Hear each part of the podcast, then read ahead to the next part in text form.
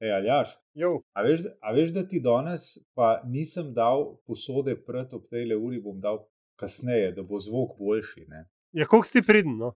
ne sam res. Pa še pršparo boš, Upam, da Antiša, se v pa kje še pršparo boš. Cene, cenejši tok loviš. ne? Cenejši tok, plus, ne, plus da se javljam iz, iza nove zavese. Ne, upam, da se bo to bistveno poznalo pri tonu. Uh, mo, Ja, jaz uh, držim mojega pesti. Jaz te sploh nisem spoznal, dragi prijatelj. A ne, da Tvoj A? glas je Jaz popolnoma držim pesti, spremenjen. ker dejte Antiši že enkrat zrihtati. Zdaj Zvenim- smo neki zrihtali. zvenim kot Barry. White. Vsaj. Ej, a vi veste, da je za vogalom 1. april? Še ta udarc. To imate Ja, že ja. pripravljen, ne? Uh, Ful, valjda. vidim.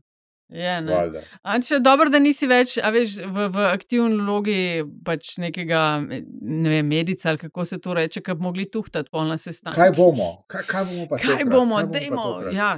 Ampak se, ne, ampak se, meni se zdi, da tako je ne parkrat nam je dobro rad, ampak ne me zdaj vprašati, kaj je bilo. Ampak parkrat nam je, parkrat nam je kar v redu uspel, moram reči. Je super. Ja. Ej, držim pesti, da bo kakšna dobra fora letos. Ja. Je, pa res, um, tudi, je pa res, da tudi jaz sem kar nekajkrat stvari bral v časopisu in rekel, faka, res ali kaj. In potem sem ugotovil, datum je. Ja, to je problem dan današnji, ne? ker dejansko čist še tako velika bizarka bi lahko šla na prvo stran in rekla: Ja, ab, absolutno se je to zgodilo. Ne? Mm. Jaz se še najbolj spomnim um, boja na križaje, ki je enkrat vodil dnevnik TV Ljubljana za 1. aprila. To je bil dober štos. Ja. Jaz se pa, dober, ja. uh, mogoče se ti spomniš, Nataša, enkrat sta se Boštjan pa Darja na Pop TV zamenjala, pa se je Boštjan v Darjo oblekel in Darja v Boštjana ne, v zadnjem delu oddaje. Ti se mi je zdel tudi kar, kar zabavno, no, moram reči. A veš, da se ne spomnim. um, Dej špico, ker imamo danes full zadelati. A ja, a že snimamo. 1. april. Pred nami je častna naloga. Jaz se bom zahvalil gospodu Janezu Janši, da mi je rekel, da zdaj je moje novo poslanstvo tukaj z vami. V novem letu nas čaka prihodnost, ki se še ni zgodila. Fantje igrajo monopol z državnim premoženjem. A ti veš, da ta šlepa ni nikoli obstajala, da nas je un nategnil na cel čas. Jaz uh, na takem formatu ne vidim popolnoma nobenega smisla. To je LDGD, podcast, ki nikogar ne podcenjuje in ničesar ne jemlje preveč resno. V imenu svojih najbližjih in v božjem imenu vas pozivam na lov. Bom kdaj pa kdaj stresla kakšno šalo.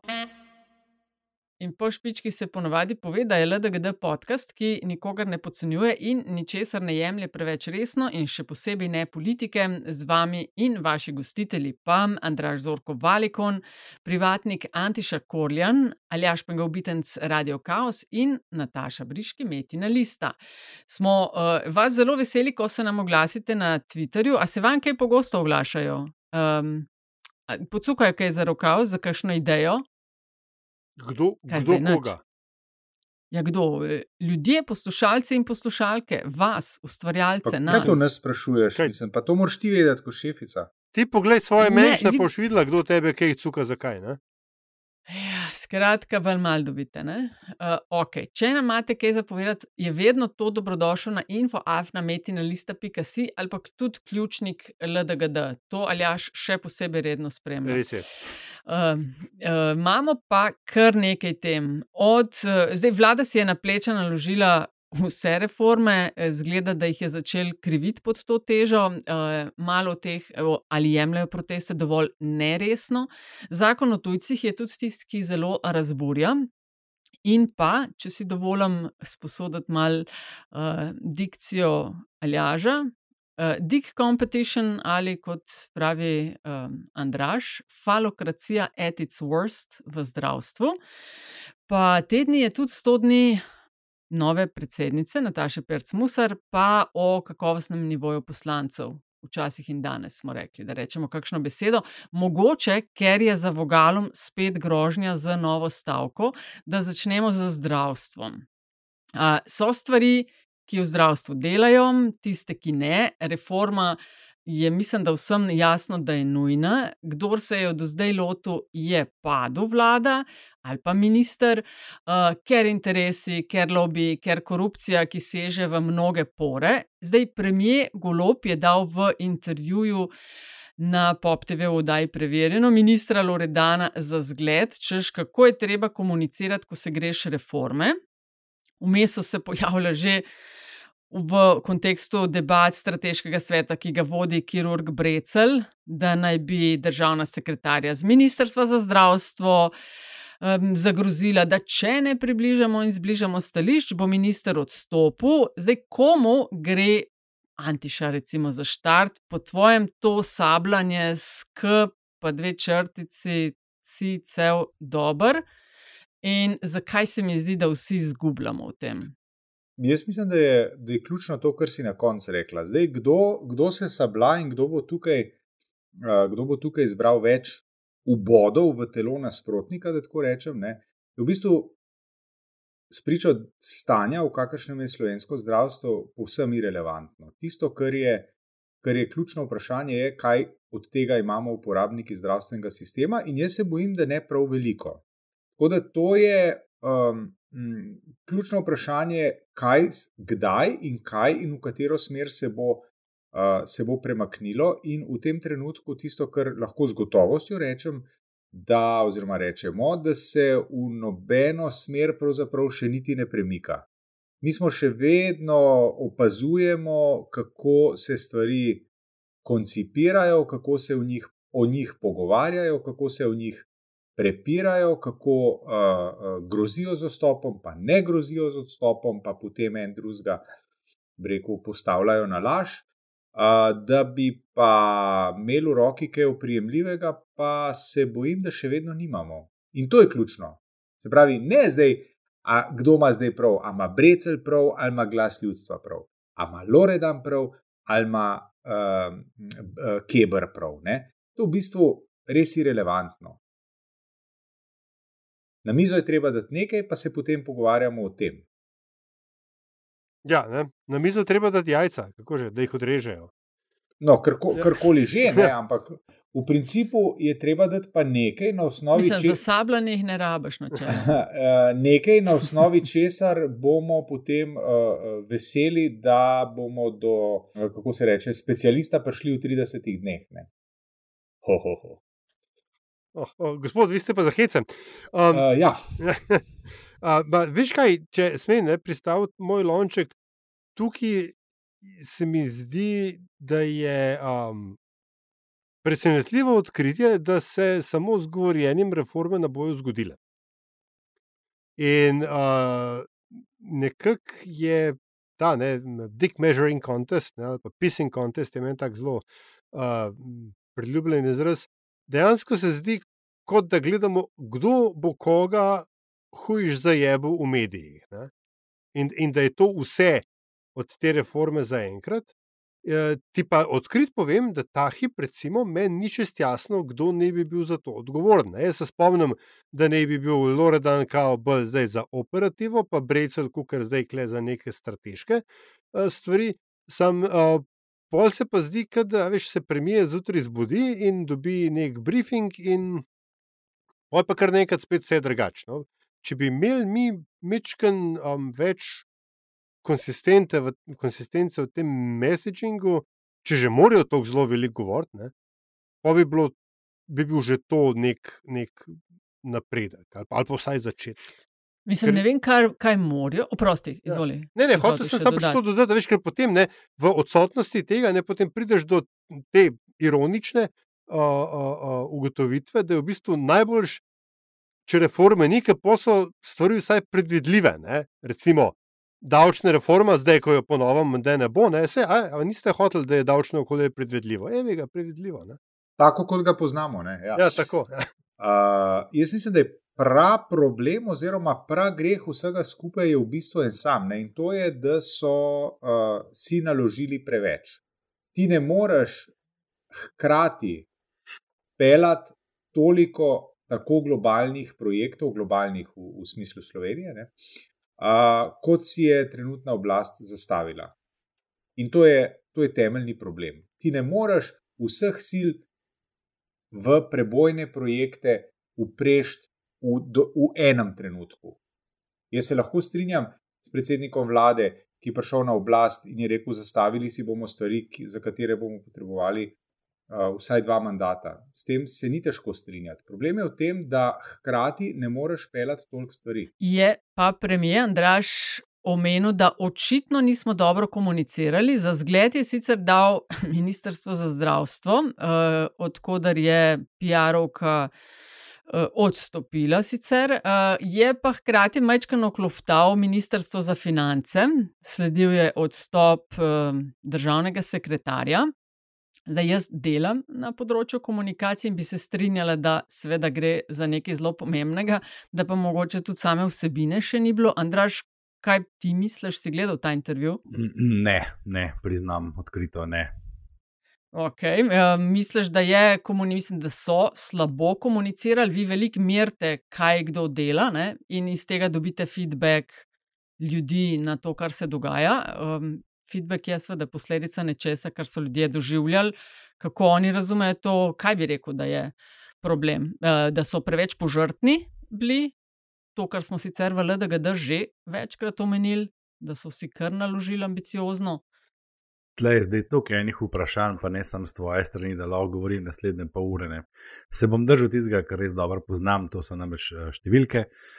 Uh, Eno od področji, ki ga spremljamo v raziskavi na normalnosti, je, kako uspešno ocenjujejo prebivalci delo uh, vlade Roberta no. Goloba na posameznih področjih. In eno od področji uh, je tudi komuniciranje s prebivalci. Tega smo dali načrtno not, ker je bil to eden glavnih očitkov prejšnji vladi, da izjemno slabo komunicira s populacijo. Uh, začel se je avgusta s poprečno ceno 3,1, ki je že sama po sebi nizka, je bila pa to takrat kar visoka ocena, glede na vse ostale. Uh, je skupaj z vsemi ostalimi področji, kot so ukrepanje z draginjo, ukrepanje na področju cene energentov in tako naprej, cena začela nekje jeseni padati. Je pa ta ocena med vsemi najbolj padla, največja razlika je med najvišjo in najnižjo oceno. Ne? Danes so na 2,4, to je, to je 2 do 3, po šolsko rečeno, bistveno več je zdaj že tistih, ki ocenjujejo z 1 ali pa 2. Skratka, uh, karkoli zdaj eni ali drugi govorijo o tem, je, je, ocena je dosti jasna. Ki me pa seveda ne čudi. Ne? Zdaj, po eni strani je to tudi posledica tega, da pač pada podpora vladi, tako kot je bilo objavljeno na nekaterih raziskavah, ne bom jih imenoval. Um, pada tudi cena zaupanja v delo vlade, ta, ta indikator se mi zdi bolj pomemben, to je v Valikonovi raziskavi.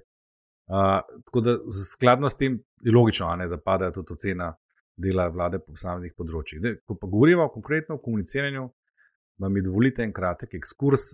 Um, se bom spomnil zdaj le nekaj sanj, par dni nazaj, jaz sem včasih precej velik sanjam. Mal nenavadne sanje, zadnjič enkrat proti jutru sem sanjal, da sem se znašel v nekom okolju, da, da sem čakal na komentar, oziroma na vprašanje, da bom komentiral aktualno situacijo in uh, odsotnosti novinarja. Sem si rekel, oziroma tistemu človeku, ki je tam bil, kdorkoli že je bil, si rekel, le zamisli si, da si predsednik vlade v tem trenutku ki je iz nekega neznanega razloga nenadoma zbolel in ga dva, tri tedne ni bilo na delovnem mestu, bil je v komi, odšel je neznano kam.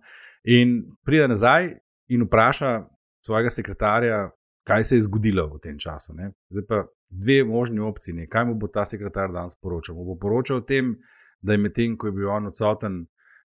Strateški svet za zdravstvo, že na stoti strani predloga za reformo zdravstvenega sistema, da so na finančnem ministrstvu že skoraj zaključili osnovne točke in časovnico za davčno reformo, in tako naprej. Ali bo poročal o tem, kje je PR-ovka, kje je odstopila, kdo je koga javno klofutal, kdo se je izognil odgovornosti za kakšno izjavo in kdo je rekel za kakšnega ministra, da za njega preprosto nima časa, čeprav se ukvarja z njegovim področjem.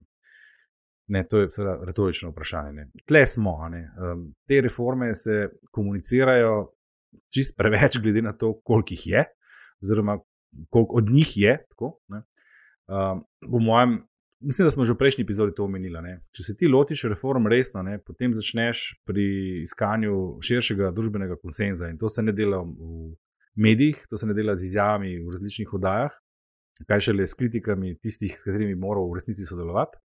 Ampak se dela na terenu, se pravi, da ti pridobivaš konsens različnih družbenih skupin, organizacij, institucij in tako naprej, ki so ključni pri, pri sprejemanju same ideje reforme, da treba nekaj spremeniti, tisti ljudje, ki bodo potem naprej širili dobro vero. Ne, to, kar je na nek način golob sam rekel včeraj. Ne. Če ne znamo prepričati ljudi, je brez veze, da karkoli delamo. To je čist res. Ne.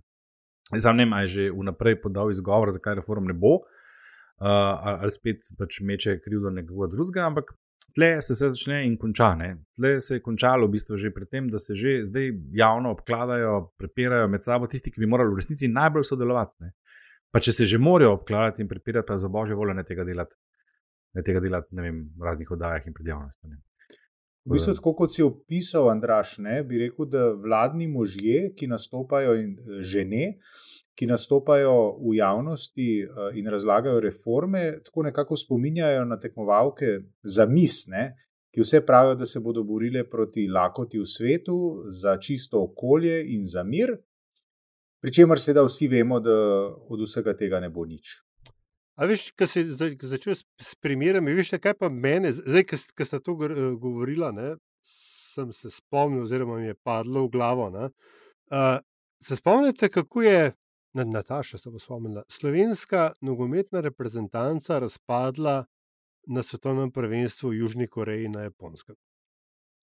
Kakšen po... seksizem, jaz se tudi tega spomnim. Ne, veš, jaz tudi. Vsi se ja. Tem kuplaš marno. Ja. Tako, veš, po, po, po zelo dobri predstavi na Euro 2000 pred dvema letoma smo vsi veliko pričakovali od tiste ekipe, celo stavnice so rekli, da nam osmina finala ne gine.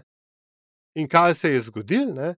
Fucking dick measuring contest, kjer sta uh, uh, un s šmartom, pa un z, z mamo, pa z očetom, uh, uh, je pošlo vse se v pragu. In klele se mi zdi, da se to se, poč, se počasi tukaj dogaja. Ne? Ker nekdo ne prenese, da ne bi bil ta glavn, in ene, ene pet, šest teh mandelcev in mandelk ne, je tam zraven, ki hoče biti pač glavni, in se pol, in se pol prerivajo in kurac, veš, pol tole. In veš, kaj na koncu dneva bo vsak od njih imel zelo dober razlog, zakaj ni mogel nič narediti. Mislim, ja, a veš, sam, ti, ti, tisto, kar pa mene v bistvu tudi malo zanima v, medij, v medijih, kot se reče, ne, so uh, zaokrožile in to, to je tudi, um, zdaj malo klefišam za vaša mnenja, um, tema prihajajočega blogposta. Um, ali že lahko govorimo o pahorjanski paralizi v mandatu 2008-2012? A, misliš, te padle reforme? Mislim, te, um... ne, ne, ne, ne sem to. Pač, padle reforme so bile, so bile dejansko rezultat tega, da je Pahor bil v fazi nekaj treba storiti, ne, ali vsaj 50 triti, in potem premiko tiste kamenčke gor po semaforju. Reforme, ki so bile v redu zamišljene, oziroma reformo, no, ki je bila v redu zamišljena, um, so mu jo zdriblali, ker je bil on postal že nekredibilen. A veš, vprašanje bo, ali bo ta vlada na točke, ko bo, ne, ker enkrat bo nekaj dala od sebe, ko bo dala to od sebe, ali bo ona sploh še v funkciji to zagovarjati. Tle imam spet eno fajn prispodobo, saj zdi se mi. Um, a veš, to smo tudi za nič omenili spet. Ne? Pri reformi ni ključno samo to, ključnega pomena samo to, kaj ti zapišeš, kako jo strukturiraš, kaj, kakšne boje spremembe in tako naprej. To je še najlažje. Morda še bolj. Ja. Ja, to je verjetno res še najlažje. Če ti zbereš nekaj par strokovnjakov in jaz verjamem, da jih je dovolj. Uh, iz različnih vetrov, in tako naprej. Ni tako težko, verjetno, tega sestaviti. Mislim, konec koncev, A bi bil teren lahko še boljši? Tok časa se ni več spremenil, uh -huh. da, da že karkoli bo drugače, bo reforma. Si, zdravstvo je že 30 let nedotaknjeno, roko na srce. Ne? Davčna reforma, ne vem, če je ravno tako, da je ravno tako. Ampak karkoli bi tle naredil, z mal muke, z mal truda, bi lahko prišel do enega lepega rezultata. Ključnega pomena pa seveda, a znaš ti pripričati tiste ljudi, za katere veš, da bodo tvoji nasprotniki. Poznaš jih, veš, zakaj bojo tvoji nasprotniki. Tle je vsa umetnost tega se nihče ne loti. In tle jaz vidim to umankanje uh, resnosti, nakane res kaj spremeniti. In paralela, ki sem omenil na začetku, je pa uh, projekt Miha Šaleharja uh, na Rubidišču. Uh, tisto, jaz sem zaslužil tam rahlo užaljenost v tistem, tistem njegovem pojasnilu, kaj se je zgodilo. Lej, lahko bi to pričakoval, ni fora narediti, ni fora imeti idejo, pa narediti, pa top shit zadevo narediti. Ti moraš predvideti, da boš na letu na uvere in umetnost Tako. je te ljudi na svojo stran spraviti. To je umetnost. E, bravo, to je bravo. In tukaj sem, sem to, ne, pa, pa se um, predam besedo, ampak uh, na, na zadnje, ki sem bil uh, na popu, ne, sem omenil, da se mi zdi, ne da je ta vlada si naložila preveč, se je veliko naložila, ne, ampak da je v resnici pri zagovarjanju izvajanja tega premalo drzna. Ne? In to je to, kar ti praviš, Andraš. To, da, ti, da imaš ti idejo, ne, še, ni, še ni dovolj. Dolgo, dolgo tega mi je nekdo tako dosti pikro pripomnil, ne, uh, da so ideje, so, kaj že, ducati dobiš za 5 centov. Ne? Vsak ima lahko idejo. Mislim, ja, sej, zakaj ni bilo reform to let? Ne zato, ker ne bi nihče imel ideje ali pa um, nekih znanja, da bi to uresničil. Ampak zato, ker ni nihče pristopil k temu tako, kot bi moral. Ne? A veš, kaj pa meni? Ja, mislim, meni se zdi pa to itak, da govorimo že pol leta, koliko veliko so si naložili in da dvomimo, da bo šlo čez. Um, v okviru te, so v okviru zdravstvene reforme, ki govorijo, dokler ni dogovorjenega vsega, ne, ni dogovorjenega nič. To je javni sektor. Ja. No, ampak, a veš, to so toliko časa smo čakali, da se nekaj naredi, da je zdaj zagnojeno do temeljev.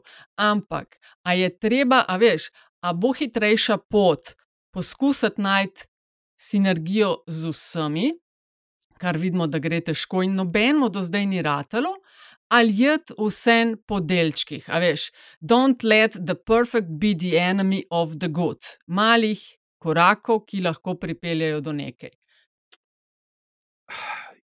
Ja, ne, veš, ampak tukaj je vendarle treba to vedeti, ne, da je spet lekcija, ki jo je Robert Golop um, se naučil, da um, reče, da hard way. Ko ti spremeniš en košček, se vse spremeni. In zato jaz, še vedno imaš ti lahko sektorske reforme, ne? Ampak že plačni sistem v javnem sektorju ne moreš ga drugače spremeniti kot pod načelu, dokler ni dogovorjeno vse, ni dogovorjeno nič, ker drugače se ti bo dejansko zgodil. Ne, to, da bojo, veš, tožilci in sodniki bojo imeli ekvivalent 600 evrov več, In boš rekel, ok, zdaj to je to, do sem smo prišli, zdaj pa pustimo to reformo. Aj, ne, bo šlo to tako. Ne? Ja, lej, uh, bomo, jaz bi izkoristila zdaj, da gremo na drugo temo, če dovolite, ker jih imamo kar nekaj še. Um, zakon o tujcih je še nekaj, na, kjer, na čemer se lomijo hrbti. Ne? Zdaj, novela zakona poenostavlja pridobitev dovoljen za. Prebivanje in zaposlovanje tujcev. Največ kritik, kolikor sem jaz uspela ujeti, pa gre na račun pogoja znanja slovenskega jezika na stopni A1 ne, za družinske člane tujcev. Zdaj, na eni strani imamo spet smo v taborih. Tiste, ki bi vse izgnali, češ niso avtohtoni, dela naj bodo za naše ali neki. Ne. In glasna je druga stran, češ, da gre za krivičen zakon, ki bo ločeval družine, in um, že samo ob omenjanju kakršnih koli pogojev, ki naj bi jih, ne vem, v določenem času izpolnjevali, in tujci, člani, zgubijo živce. Um, kakšno je antiša zakon o tujcih? Kako se to na primorskem sliši, kako to ljudi tam skrbi? Ne vem. Zdaj, a veš, od biznismenov slišim, mislim, kar mene je tako. Moje vprašanje, ki jih imamo v okviru tega, je, se sprašujem, zakaj gibanje Svoboda fura novelo, ki je v bistvu novela SDS, da je niso tudi malce potrudili nekako v narekovaju. Sebi in svojemu narekovaju prilagoditi, zakaj pri nas za poslovanje to kompliciramo, če pa vemo, da rabimo ljudi. Veš, da ne rečem, da rabimo tisoče, deset tisoče davkoplačevalcev, ker penzije in ker pač ne rojevamo, plus to neko skakanje v luft ob kakršnem koli pogojevanju, vezanem na integriranje v družbo, kar folk dela nervozne. To je v bistvu strašansko široka tema, o kateri se lahko pogovarjamo zdaj naslednjo uro, pa pol. Dejstvo je, dejstvo je, da ljudi, ki bi delali, ni. To je prvo, prvo dejstvo. Eh, ki ga moramo upoštevati. Ja. Uh, jaz sem pred dnevi doživel, da me je v Kopru nekdo uh, prepričeval, da je uh, ne v slovenščini, ne seveda v neki kavarni na Koperski promenadi, da je gibanica, da je to nekaj podobnega kot baklava. Ne? V kavarni oziroma slaščičarni. Ne? Zdaj, okay, to, to je na ravni anekdote, lahko simpatično. Ne? Ampak, če se pa mi. Si mu vrnil z sirovim burokom. ja, ja, ja. No, to je ta, ta je ponarodela. Uh, ampak uh, hočem povedati, da se mi zdi, da opozarjanje na to, ne, da uh, je določen nivo jezika potreben za zaposlovanje v uh, določenem okolju, se mi zdi pa v bistvu zelo pomembno. Je že res, je že res da recimo na Bauštelah delajo ljudje, ki se ne pogovarjajo v slovenščini, tam slovenščino ne prideš daleč. Da se pogovarjajo, vem, ker imam enega znanca, ki dela na Baušteli in mi to zna povedati tako. Ne? Niti se več ne pogovarjajo v uh, hrvaščini, slej srbščini, bosanščini, tam je prevladujoči jezik je v tem trenutku albanščina. Uh, um, Ampak, za... Ampak se važno je, da si razumemo, kaj je to bavštela. Ne? Ja, bavštela, bavštela ne? pa se vemo, bavštela, ne? v Minkenu. Ba, bavštela, valjda. Uh, um, se mi zdi pa, da v hipu, ko ti izstopiš iz tega oskega profesionalnega kroga, je pa pomembno, da ljudje, ki v določenem okolju funkcionirajo, uh, da znajo jezik tega okolja. To se mi zdi zelo pomembno in uh, od tega jaz ne bi prav zelo odstopil. Ker sicer, a veste, s to, rekel, uh, zelo veliko liberalnostjo, ne, oziroma popustljivostjo, oziroma dobrohotnostjo, tudi če hočete, ne, pa se lahko vprašamo, čez sto let, kakšna bo jezikovna podoba tega okolja. Jaz daleč od tega, da imam karkoli proti, da se ljudje pogovarjajo v uh, zasebnem življenju v jezikih, ki so jim bolj domači, kot jim je, recimo, v tem primeru slovenščina. Hkrati pa mislim, da uh, v javnem prostoru mora pa slovenščina vendarle ohraniti primat. In uh, ker sicer, sicer bomo vedno bolj priča temu, da bodo mame, to vemo, da se dogaja, ne, da bodo mame k zdravnikom vozile otroke, zato da jim prevajajo. Um, ker se same ne znajo pogovarjati. To vem, da se dogaja tukaj, Nataša, ti si rekla na primorskem. Na Gorenskem. In, in, na, in na Gorenskem, zanč mi je na zna, zna, znanka mi je ja. razlagala, ne, uh, ki poučuje v eni od gorenskih osnovnih šol enega od predmetov, je razlagala, da tam ima velik problem, ker ne more več v slovenščini razlagati snovi, ki bi jo morala. Ne. In verjetno je, verjetno je še kje na Štajerskem podobno, in tako naprej. Ne? Tako da, ob vsem razumevanju stiske delodajalcev, ki si ne morejo zagotoviti uh, delovne sile, se mi pa zdi, da bi na tem morali, morali ustrajati. Mislim, jaz imam občutek, da smo brez jasne politike, da v redu gospodarstveniki rabijo ljudi, v redu, da jim zarahljati Eh, obrazce in postopek in čas, ki ga potrebujejo, da pridejo sem delati, hkrati pa smo popolnoma brez politike, kaj s temi ljudmi in njihovimi družinami, ko so enkrat tu. Kako poskrbeti, da se v redu ne iz sreda na četrtek integrirajo, ampak v roku leta dni, pa že morda ne. Ja, mislim, predvsem. Andraš. Ja. Ja, ne, ne, kar ali jaš, kar izvoli. Ne, hotel sem reči, da je integracija Se mogoče to, v bistvu je to podoben princip kot z reformami. Veš, reforme so v bistvu bi morale biti kontinuirane in integracija mora biti kontinuirana. Ti se ne moreš integrirati, to, da si naredil en jezikovni izpit. Ni integracija. Sej pravim, celovito, ja, pravim, ja, celovito pač skrb, pom, kako in to kaj. To seveda pomeni, da mora tudi ne, kaj to, država gostiteljica, ne, družba gostiteljica, tudi nekaj drugega, se, se pravi, mečken drugače začeti gledati na te stvari. Ne? Ker veš, da, um, ta pregovorna slovenska strpnost do ljudi, ki ne, jod, ki ne jedo goveje župe, ne, je, je tudi eden od problemov tukaj. To, da, veš, to, da je uh, pet Albancev na kupu, da je že invazija, to ni dobro. Ta, ta logika ni v redu. Mm, hkrati ne, je pa tudi tako, te, te osnovni pogoji za vstop. Ne. Zdaj, jaz ne vem, zakaj je nivo A1 tak problem. Ker vemo mi, kaj je nivo A1. Za tiste, ki ste se našli. Jaz sem šel celo malo ja. Za tiste, ki, se ki ste se zdaj vklopili ja. v prenos, ne, naj povem, da je nivo A1 pomeni, da se kandidat zelo preprosto sporozumiva v predvidljivih sporozumovalnih položajih, ob znanih vsakdanjih temah, če govorec govori počasi in razločno, je pripravljen pomagati in si pri tem pomaga z neverbalnimi sredstvi. To je slabš kot Indijanci v Mikiju Mustru. Hočem reči, ta nivo A1 to ni nič. Jaz nisem znal nič francosko, pa so me dali na nivo A2, ker sem se začel tukaj učiti v Luksu. Tako da ta, to, ta pogoj je kot da ga ni.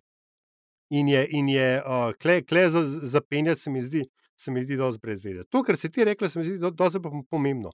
Kako narediti, da se ljudje, ki bodo sem prišli delati, da se bodo tukaj počutili doma na način, da bodo tudi okolico sprejeli za svojo. Ne samo, da bo morala okolica njih sprejeti.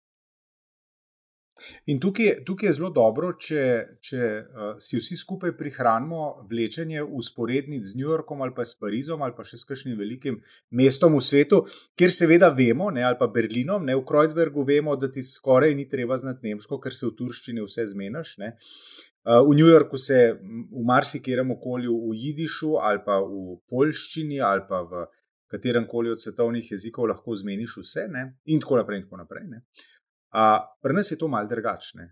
Pri nas je tako, da je absolutno prevladujoč jezik je slovenščina. Tega se moramo zavedati in s tem dejstvom oprezno in odgovorno tudi ravnati. Zaradi tega, kot sem rekel, da bomo čez sto let morda tole še govorili. Ne? Ker ne, razprava ni o tem, a veste, mislim, razprava je preživeta o tem, kako bi mi govorili, če bi v drugi svetovni vojni zmagal ta ali pa Unija. Razprava je o tem, kako bomo govorili, če se bomo danes obnašali tako ali drugače. To je v bistvu relevantna razprava.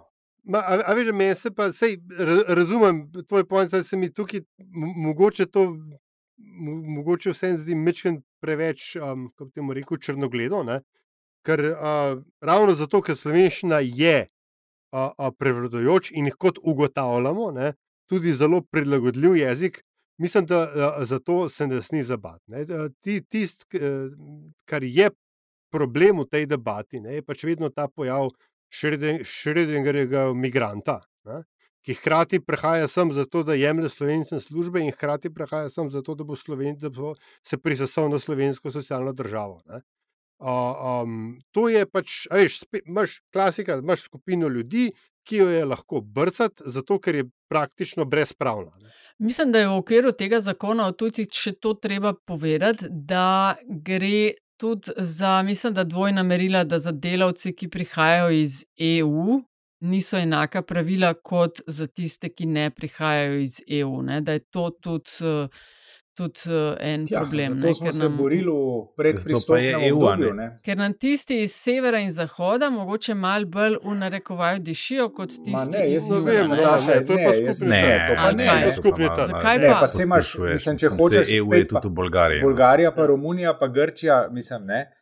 Uh, Ja, ja, tako da to, Sad še Makedonija, veš. tako uh, da- tako da to, to, to po mojem ne, ampak Hočeš reči, da bo slovenec na delavca iz Nemčije ali pa delavca iz Španije gledal enako kot na delavca iz Albanije, Bosne ali ne vem, Ne, tega, Romunije. noč, tega nočem reči, ne, ampak hočem pa to reči, da, so, da smo v nekem pravnem, osnovnem pravnem smislu uh, Slovenci izenačeni s Francozi, Nemci, uh, Španci, Poljaki in tudi Romuni in Bulgari, ki recimo prihajajo na slovenski, na slovenski trg dela. Oziroma, bom povedal drugače, ko gremo mi že na Dunaj, smo mi Romuni in Bulgari. Tako je. Tako. Ampak Tako pomembno je, je, pomembno je, zato sem rekel, zato smo se borili v pristopnem uh, obdobju ne, uh, v Evropsko unijo, zaradi tega, ker imamo to možnost. Mi gremo ravno tako lahko biti uh, v München ali pa v Študgard uh, uh, delavci, kot imajo možnost priti nekdo iz Sofije, priti v Portoroš ali pa v Kran ali pa v Jesenice delati. Ne, na Jesenice delati. Tako je. Meni se zdi pa ne, da en glavnih problemov ni to, o čemer zdaj govorimo. Tako kot mi že nekaj časa, oziroma predvsem vi trije v tem primeru, govorite o vprašanju jezika in omejitev, eh, ampak to, a bo sploh še kdo hotel prijeti sem. Davčna reforma, mislim, da- evo, ne, spet smo pri da- Da reformah. je to ključno vprašanje. Mislim, da vemo, da iz držav nekdanje uh, Jugoslavije, predvsem iz Srbije, odkuder je prihajalo veliko izobraženih kadrov v zadnjih letih, da so začeli odhajati drugam, da Slovenija ni več tako zanimiva, da odhajajo pač. Uh, Na, Že na, dolgo ne, že kar nekaj časa. časa, ja, bolj ja. Na zahod. Včasih je bila Slovenija, pač destinacija, zdaj ni več, ne, oziroma cilj. Ne. In veš, to me spominja, kot nas zdaj pred kratkim je nekdo omenil, ko so se v Ameriki pri enem od teh množičnih pobojev začeli v medijih blazno ukvarjati s tem, kako so pravilno zdaj z katerim zaimkom poimenovali strelko ali strelca, ker je bil pač transgender. Ne, uh, ne pa s tem, da, da imajo tam, koliko so že imeli 38 množičnih pobojev v treh mesecih tega leta. Ne. Spet se, veš, spet se ukvarjamo z eno, ne bom rekel, da je banalnost, ker ni, ampak vse en. No, Mal bo nepomembno, to hočem povedati. Ja, ampak nas to pripelje tudi v kontekst teh reform, o katerih govorimo, ne? ker mi vemo, da imamo. Ko imamo 3-4 odstotke, je stopnja brezposelnosti, kar je tako, niže ne gre. Tako težko dobijo podjetja delavce. To je eno. Drugo, naša demografska slika je slaba. Mislim, da je Zanč Lipnik v delu pisal, da bo strošek pokojnin na zaposlenega se bo v treh desetletjih več kot podvojil. Zdaj, SDS je predlagal rešitev uh, deklina zgodba, urad za demografijo, babe zaprto hišo pa rojevat.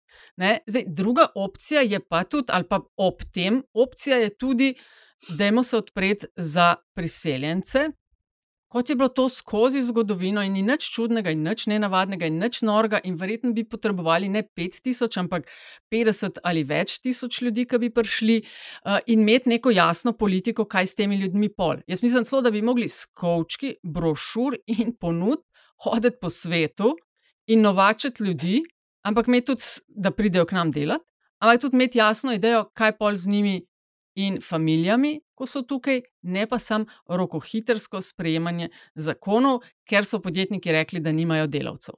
Ja, spet, Nataša, ne? kaj ti bo reklama, če nimaš okolja, v katerem bi se ljudje želeli ja, živeti? Seveda, seveda, vse to pravim. Če si ti v okolju, odkudar se domačini izsiljujejo, ja. pol, pol je za manj razmišljati o tem, kako bomo pritegnili tujce. Ne?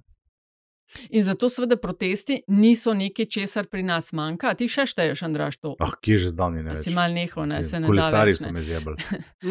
Vla... Vlada dela na zakonih, Janša pa na zakonu ulice. Zdaj, opozicija beri SDS, ker se mi zdi, da je NSI mal zadržan klele. Jih kar žgejo, kjer in kakor gre. Vsako potezo, vsak ukrep, vse kritizirajo, nič ni dober. Uh, Rupar ima upokojence čez Primc kanal C0, uh, kmetje, da vnašanje nemira, pa destabilizacija stanja v državi. Ampak, Nataša, vse to je, ni več novega, vse to spremljamo ja. zdaj le tri leta. Ne, ne? Ni več novega, mogoče je, to smo kar precej debatirali o tem, kdo to sponzorira. Te zadnje proteste. No, da so prstni, a veste, da so prstni odtisi SDS-a tukaj zadaj se brez veze sprenevedati, da niso. Ne. Seveda so. Tako kot so bili v narekovaju in z nekaj zajedljivosti in uh, nagajivosti, bom rekel, prstni otisi globoke države v času kolesarskih protestov vidni iz, iz vesolja. Ne. Tako da tukaj je brez veze se sploh pogovarjati, kako zelo spontane so te akcije, ker mislim. Niso. Ja. A, a, se, a, a, viš, a viš, da je tu, tukaj se del, se pa ne, v celoti se ne strinjam. Iz preprostega razloga, ker je, um, ne, spet se vračamo na zaenkrat edino resno pozitivno eksternalijo uh, menjave oblasti, je to, da so pač protesti spet domov, dobili domovinsko pravico. Ne. To je super. V, v, v super. Sloveniji. Tako, ampak hočem reči, posledično ne, se seveda lahko opogumijo tudi um, interesne skupine, ki mogoče prej niso, ki niso recimo um, znane po. Um, reč, redni bojevitosti. Vse kmete na ulici si ne želiš, ne? ampak takrat, ko kmetje pridejo uh, na ulico, je tako. In so bili kar prometni zamaški, sem stala v enem od njih. Grozen, je mislim, pa, wow. tukaj ja, grozen, se lej, ena pomembna razlika, no, če sem že delal paralele med uh, kolesarskimi in tokratnimi protesti. Ne, se mi zdi pa eno pomembno razliko je pa vendarle treba izpostaviti. In to je, da ko bodo sponzorji sedanjih, politični sponzorji sedanjih protestnikov prišli na oblast, sedanjih protestnikov ne bo nikjer. Medtem ko, uh, ja. med ko smo danes priča tudi uh, protestom tistih, ki so sedanjo oblast s svojim delovanjem v obdobju Janševe vlade pripeljali na oblast. Tako da tukaj je pa temeljna Tako. razlika, In tukaj so absolutne dodatne točke, veljajo uh, kolesarjem, da tako rečem, če uporabim ta izraz. Uh, zaradi tega, ker so obdržali neko distanco do oblasti kot takšne. Ja, to je res.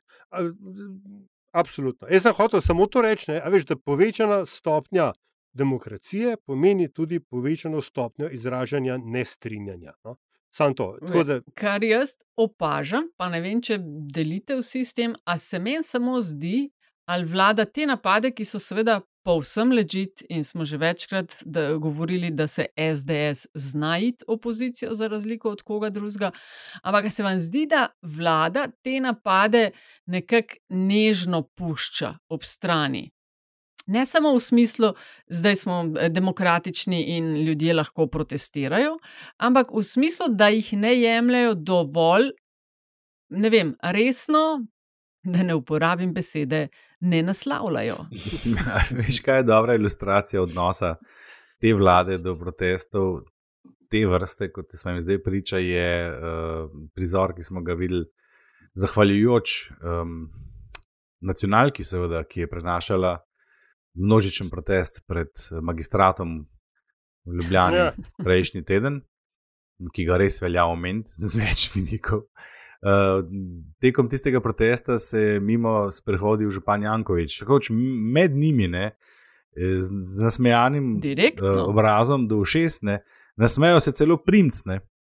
Tiste je najlepša Tako. ilustracija tega, kako tudi ta oblast nasploh uh, gleda na te proteste. Pač, eh, no, besedno poživižgajo se na njih. Ne? Ampak, je bilo karkoli drugače v prejšnji konstelaciji sil? Je bilo, seveda, ker prejšnja demo- oblast pa ni bila bilo, do te ne, mere mislim, demokratična, ne, bili- da, bi, da bi mislim. to gledala z nasmeškim obrazom, ampak je demonstrirala vso moč in še več, ki jo je imela, da je pokazala, ne samo da je zlila vas gnev, ki se je kupičil v njih nekaj let. Ampak še pokazala, če tako se to dela. To je tudi ta Ob tem je pa zlila še nekaj solzivca, razlika. ne. Ne? Ne samo gnev, Ja, ampak ne, tudi ne. spomnimo se Ja, ja, ne. 30 let praznovanja, 30-letnice in prireditve, kaj je bila na kongresnem trgu. O, mater. ja. Ljudje zraven A veš, tukaj je prej Antiš omenil ali pa Ljaša, ne, da zdaj protestirajo tudi tisti, ki so podprli oziroma volili za to oblast. Ne, ampak to je imanentno tej politični opciji. Ne. Za levo stran eh, političnega pola je jasno in menda celo znanstveno dokazano, da je bistveno bolj demokratična kot desna. To je pač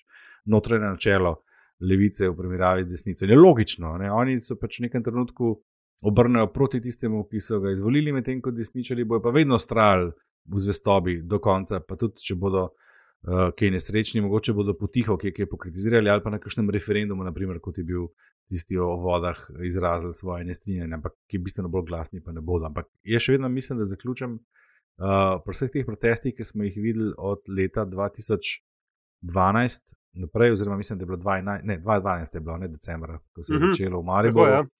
da so bili ravno ti eh, mariborski, še posebej, pa tudi potem Ljubljanska ostaja tako imenovana, edini, za kateri bi si jaz upal reči, brez kakršnega koli zadržka, da so bili res spontani odziv uh, množice na, na takratno situacijo. Ne. Pri vseh ostalih pa se je slutel od zadaj, da gre za neko organizacijo spontanosti, tako ali drugačno. Ne.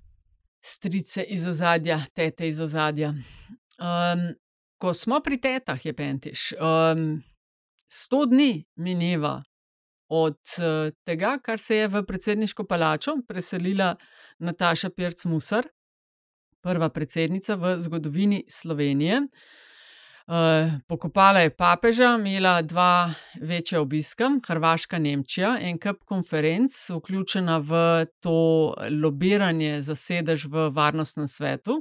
OZN, Uh, nekajkrat se je oglasila, ne, odnosi z premijem, se ne zdijo najboljši zaradi uh, zamere okoli zaposlitve Bobnar. Kako si, Antiša, kako ti vidiš prvih 100 dni vladanja? Zdaj, 100 dni miru se mi zdi, da ni imela, ampak kle so vse pravila malo Ja, drugačna hotel kot. vprašati, kaj a se a, a predsednici oziroma predsedniku republike tudi pripada 100 dni. To je zdaj s novo, novo reformo smo to uvedli. Uh,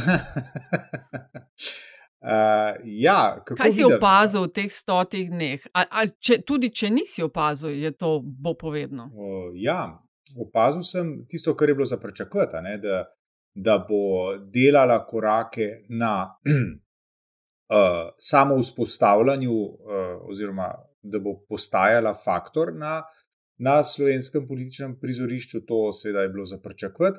Skozi to, kar si tudi omenila, Nataša, je, uh, so se dogodili nekateri, tako bi rekel, mal napetosti uh, z dvorom Roberta Goloba.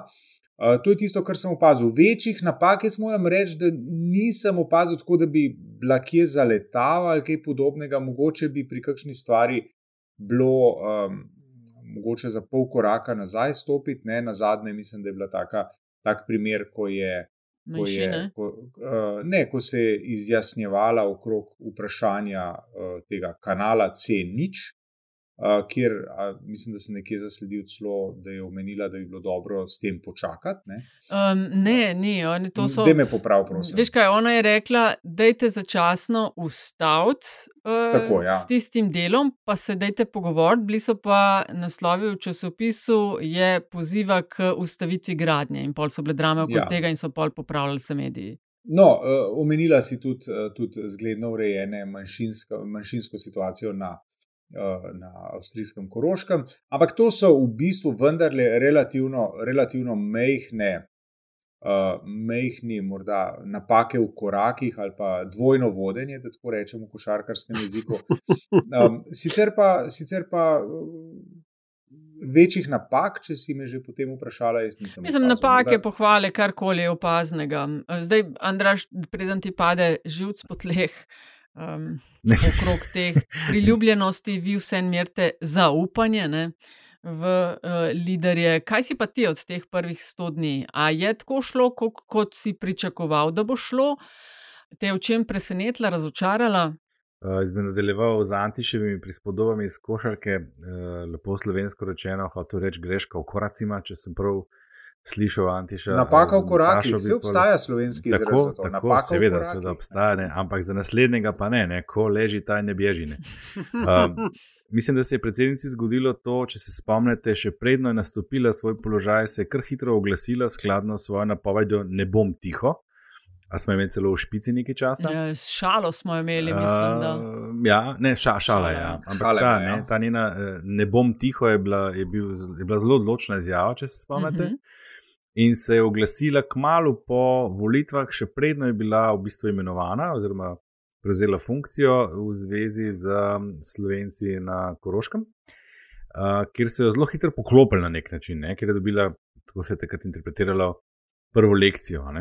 Uh, prvo, mislim, prvo osebno, prvo osebno. Tako, ja, tako prvo osebno lekcijo. Takrat ja. še ni bila drugače. Um, ne, se ja. ni bila, se pravi, ne? še predno je sploh tako postala. Je. Uh, in od takrat naprej se mi zdi, da je postala malo bolj previdna. Uh, da da, da te neka razmerja med, uh, med, uh, med vlado in njo niso, ne vem, kako rožnata in to je bilo za pričakovati. Ne, ne, ne na zadnje je bila ta vlada njena resna kritičarka, uh, dokler so imeli svojo kandidatko, potem so pa, oziroma v, v drugem krogu, so pa obrnili ploščo. Um, in Jaz bi sem pričakoval, mogoče, da se večkrat oglaša, skladno s tem, kar je na začetku napovedala, na okrugu. Večkrat. Neposrečenemu. Mislim, ja, se je tako, kot je Antiša rekel, ne oglasila se je zdaj na zadnje, res in to je bilo prvič, se mi zdi na ta način kot predsednica. Uh, v zvezi s tem uh, kanal. kanalizacijo. Mislim, oglasila se je RTV, oglasila se je Ukrajina, oglasila se je kanal, oglasila se je zdaj Aha, na no, zakon no, o tujcih. Zdaj je malo krivičen, ja, uh, pristranski, morda sem spregledal. Uh, Torej se je oglašal, da je pogosto v redu. Ne, ne, ne. Uh, si revidiral stališče. ja, sam sebe, kaj je že bilo z njim, sam sebe sem, kva, distanciral sem se ravno od svojih izjav v, v real time. Uh, ampak ne, jaz vse ne čutim pa neke pomembnejše vloge. No? Mm -hmm. Razen če se je mogoče šparala teh 100 dni, pa se bo, čeprav za njih to ne velja, za predsednika oziroma predsednice. To je, to je tudi vprašanje, uh, a veste, kaj, kaj mi vzamemo za benchmark uh, z lepo slovensko besedo za predsednika republike. Ne smemo pozabiti, da je Nataša Pirc Musar absolutni novinec v politiki in zdaj njo primerjati z recimo že njenim predhodnikom, ki je bil prej 30 let v politiki na zelo visokih funkcijah, da ne rečem uh, Janezom Drnovškom ali pa Milanom Kučanom, ali pa tudi ne na zadnje uh, Danilom Tirkom, ki ga imamo pač v spominu po zadnjem obdobju, ne pa na začetku, ko je, ko je bil uh, relativno svež predsednik. Ne.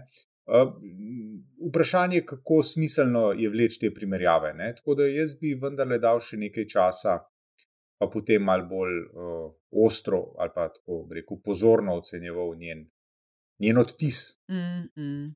veš kaj, ne, kaže tudi pozabo, da je bila ona nenavadno zunanje politično aktivna, sploh na multilaterali. Uh, sej, Nataša je že rekla, da je to delno povezano tudi s to um, uh, kampanjo za sedež, nestalni sedež v Varnostnem svetu OZN. Ne? Ampak se mi zdi, da je Nataša Presmusar videla več sveta v prvih stotih dneh, kot je mislila, da ga bo. Um, sploh glede na to, da uh, ni glih pomankanja konkurence v tem, kdo bi imel primat v slovenski zunanji politiki. In se mi zdi, da ste se kle, čeprav ne, je, je bilo nekaj začetnih um, iskric ne, za zunanjo ministrico Fajon, kar nekaj, saj delujete, dajete vtis nekega tandema. Ne. Um, Nekaj drugega bi vendarle bi spomnil na stvari, ki jih je NPM povedala v naši specialki prav zanima me, koliko je zdaj tistih sestankov z Robertom Golobom, ne, ki jih je tako vehementno napovedovala. Uh, in če jih ni, ne, mogoče je pa to prilika za to, da se tale eh, reformni trajektoriji ali pa reformni sateliti, da se mečkaj bolje utirijo kot vse. Hočeš reči, da naj jim kaj, pomaga pri komunikaciji? Ne, hočem reči to, da očitno uh, vsi ti uh, egi, pa lulčki, pa interesi, da rabijo neutralen teren. In katera funkcija v Sloveniji pa je bila zamišljena kot neutralni teren, če, če ne predsednik oziroma predsednica republike? Ne? A veš, da sem mislila, ko si omenil to specialko, da boš zavil oči v drugo smer, da se boš vprašal, ali res vsaj enkrat na teden je brezmesno. Ja, mislim, mislim, ta je pa tok na prvo žogo. Laž, da, poleg tega je to verjetno dosta enostavno preveriti. Da, ja, vprašanje je, a v četrtek ima so ali ne. ne. Ampak ne, ne, no, res, no, gremo pa k resnejšim vprašanjem. Ali bo, prodala, ali bo po koncu mandata prodala svoj motor na dobrodelni dražbi. Ja, to ne vem, zdaj ima ta. Jaz čakam, tudi, ja, no... točno to čakam. Kdaj bo s Čehom šla na obisk in čakam prav ta PR dogodek, ko boste vsak z motorjem, tako kot je Pahor, s kjer gospoje že, ki ste šla jogat skup. To so taki lepi prizori, zelo ja, tihi, frendi. Z Jadranko. Pa se ne drle, drle je jogo, z vsemi. Ja. Ne? Ampak, ne, sam, sam, sorry, sam to, pač zdaj sem na, na, na, navdušen sam nad sabo, ampak ta ideja, ne, da bi um, predsednični del pala, pred, palače na Rjavčevi postal center reformnih prizadevanj, mogoče res ni tako čist za odmet, ne? že samo iz naslova tega, da bi bil nek neodvisni arbiter med, med vsemi temi uh, uh, interesi. Mogoče naivno, ampak evo, ta hip sem si zelo všeč. ampak, veš kaj, če se recimo zanjčo glasila v zvezi s C0 ja. in uh, rekoč, uh, komunikacija z obeh strani je postala nespodobna. Ne? Pa ni, pa ni bila slaba intervencija. No? Kako da se potem recimo, ne oglasi v primeru teh komunikacij, ki smo jih zadnji dnevi deležni, ki so tudi v neki meri malo nespodobne. Ne? Mislim, a je to spodobno, ker se grejo vsi, ki so upleteni v zdravstveno reformo, z vidika cilja in pomena te reforme? A je kdo kaj vprašal? Ja, se predvsem nula, tudi noben je več vprašal. Mislim pa, da so. Ja. ja. A ne boste nič rekli? A so jo nagovorili? Ja, itak, da je to ja, skozi. Ja, ja. Če ne drugega, pa prcanja po socialno. A ne boste se nič oglasili, ste rekli, da se boste oglašali. Kje ste zdaj? Mhm. Ja, bej vam. No, e, o odtisu, ko govorimo, v tednu, ko snemamo ta podcast, je v 85. letu starosti umrl poslanec Miran Potrč. Gospod je bil petkrat izvoljen za poslanca, tudi podpredsednik državnega zbora. Uh, ena zanimiva stvar je rekel o predstavitvi svoje knjige, uh, knjiga, ki ima naslov Klic razumu. In sicer je političnim kolegom in kolegicam na srce položil dejstvo, citiram, v tem trenutku v, je v Sloveniji napačno postavljen vrstni red prioritet. Najprej jaz, potem stranka in potem država. Antiša, ti si ga tekom svoje kariere političnega novinarja, kar nekajkrat verjetno imel priložnost uh, videti, uh, srečati, govoriti z njim. Ali je bil on medijsko hvaležen sogovornik? Ja, zelo, zelo no, to pa res moram reči. No. On, je bil, on je imel izrazito občutek za Uh, za medije znov je tisto, kar, kar uh, novinari vedno visoko cenimo ali pa cenijo, to pomeni, da je znov na kratko, učinkovito povedati bistvo. Uh, vedno je bil pripravljen govoriti, vedno je bil uh, zelo odprt in demokratičen, uh, tudi v svojih pogledih, ampak dobro, to so povedali tudi, uh, tudi politiki. Uh, ob njegovi smrti. Jaz bi mogoče tukaj delil eno, eno anegdoto. Ne? Jaz sem v enem obdobju delal na Pop TV in takrat, vodili, takrat so bile neke volitve parlamentarne, ne vem, zdaj, kjerega leta je to že bilo točno. Ne? In takrat je bilo tako, da takoj po oddaji uh, je uh, promo oddelek prišel po kaseto, zato da je zmontiral napovednik. Ne vem točno, kaj se je dogajalo v tisti oddaji, ki je pravkar, uh, rekel, se končala. Ne? In se spomnim, sem prišel po oddaji gor, takrat sem jo vodil, ne vem mogoče pa celo z Natašo Pirc Musar, ne, ne spomnim se z nekom. No. Uh, in uh, se spomnim, da je ta iz promo oddelka rekel: Jo, jaz imam totalen problem, od potrča imam ful izjav, ki so uporabne, ampak od nobenega drugega pa nič uporabnega nisem dugo. Uh, ja, res, to je bilo, to je bilo meni blazno zanimivo, ker on je res, on je res znov v tem smislu. Če se samo omejim na, na svoj poklic, ne, na to, kako je on deloval spravno ja, ja. in tako naprej. Ne. O, o tem je bilo um, uh, zelo in demokratično, je bilo zelo veliko povedanega. Ne. On je bil, uh, če smem tako reči, on je bil eden od tistih uh, politikov, če spet naredim eno uh, primerjavo uh, s košarko. Ne. On ni bil Luka Dončić ali pa če hočete Dražen Petrovič. Ne. Ampak je bil um, ki dela v ozadju in, in to dela blazno, blazno učinkovito. Ne. Nekoč je obstajal, za Cibono je igral, vsi se ga verjetno spomnimo, Zoran Čutura, ki je bil blazno dober po asistencah, bil je blazno dober po uh, številnih, uh, številnih elementih igre, ni pa, dal, ni pa dal največ točk, ne? ni bil najbolj priljubljen, to je bil takrat Dražen Petrovič. Ne? In če mi je dovoljeno, no, da potegnem to spet športno, uh, športno uh, primerjavo. Pravi, izrazito, izrazito odprt, demokratičen, medijsko prijazen, oziroma kako če reči, hvaležen sogovornik. Takih skoraj ne delajo več. Žal ne, žal ne. In to je tisto, kar nas lahko vse skupaj skrbi. Zato, ker uh, ko mi vidimo, kako pa te stvari potekajo danes, potem pa si lahko samo rečemo, da smo ustvarili strašanski napredek nazaj.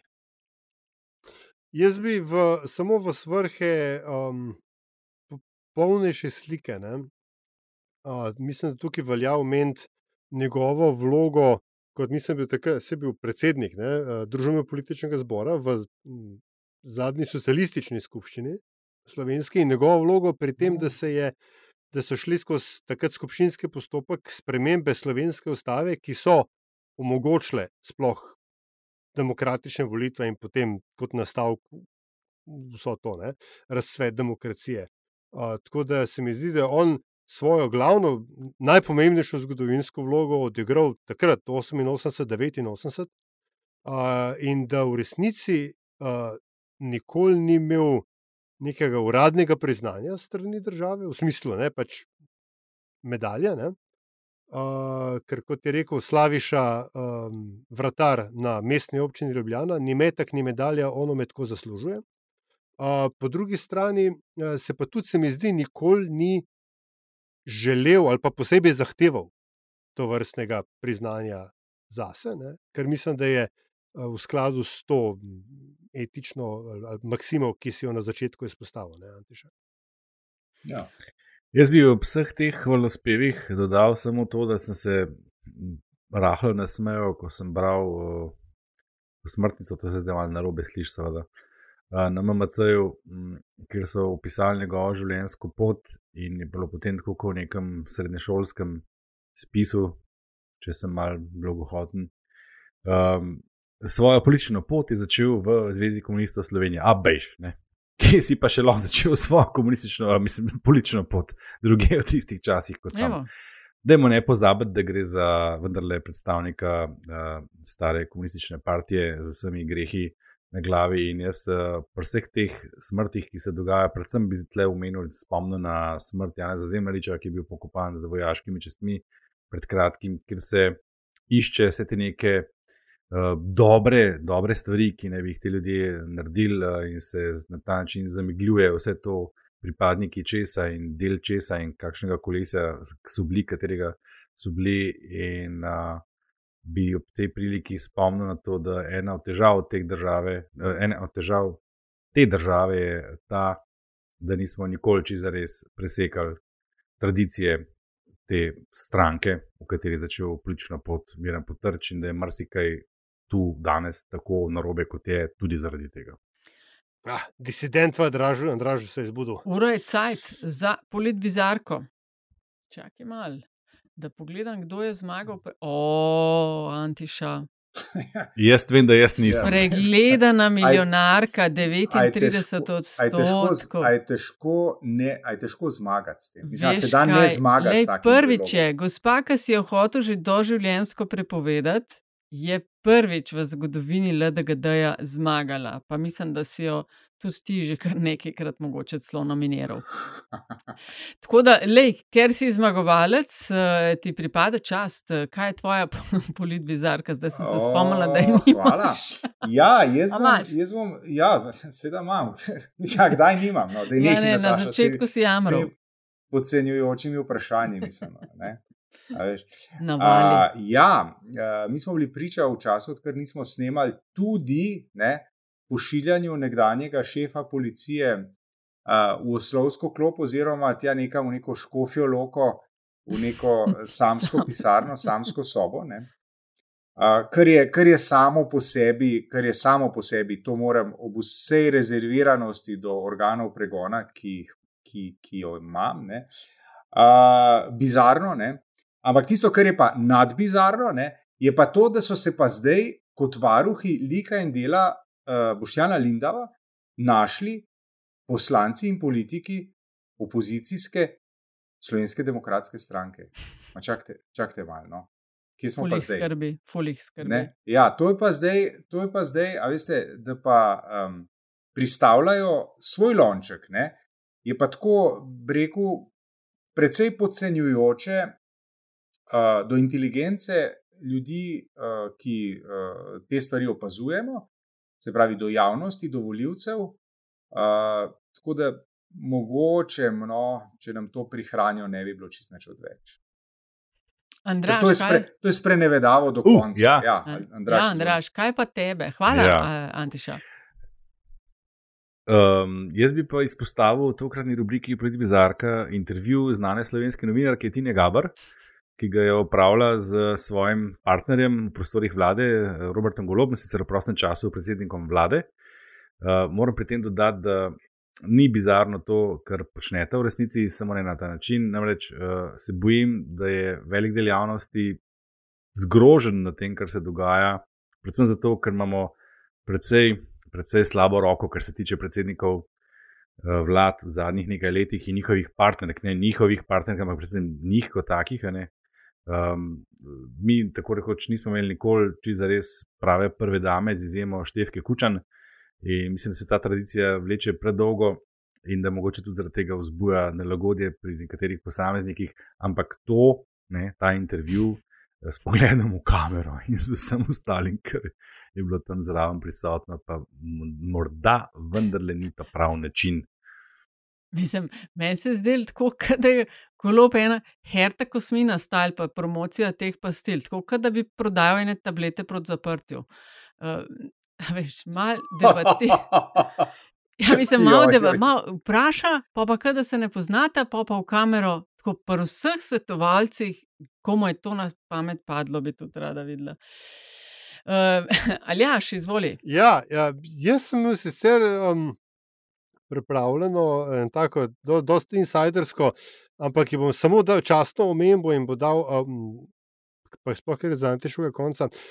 Občina Kozina, če prav razumem, uh, problematizira rezultat uh, volitev v državni svet, ker so ugotovili, da bi morali po pravilnem štetju pripadati en elektronski glas več in posledično um, bi se lahko rezultat spremenil. Skratka, zdaj hočejo ponoviti celo zgodbo, vzvoliti državni svet, tako da Watch this space to zna biti zanimiv. Ampak to ni moja bizarka, ne? to še pride. A moja bizarka je, um, uh, super tajni summit uh, trenutnega in bivših generalnih sekretarjev uh, socialnih demokratov. Uh, ta sestanek je bil namreč je bil tako tajen, ne, da so uh, hodili te štirje um, fantje, gospodje, Gospodje, ja. um, ja, po trgu republike, tako na dolžino ene roke, zato da so šli lahko vsi štirje v kader v tajnosti postavljenega fotoaparata. Ne. Skratka, stvar je bila tako zelo zrežirana in tako zelo, um, da ne rečem, naročena, ne, da se tudi um, avtorji, uh, ki so jo objavili na novičarskem portalu, niso upali pod njo podpisati pod ta tekst, ampak so jo podpisali z uredništvom.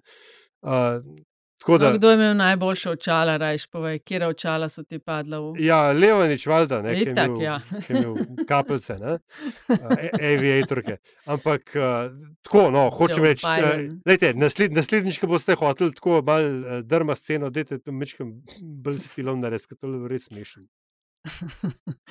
Ja, jaz sem pa v zadnjem tednu pobula nad eno objavo Ministrstva za notranje zadeve. Ne. Ujela sem jo na Twitterju, pa po mojem je to vse povsod bilo tako lušno oblikovano.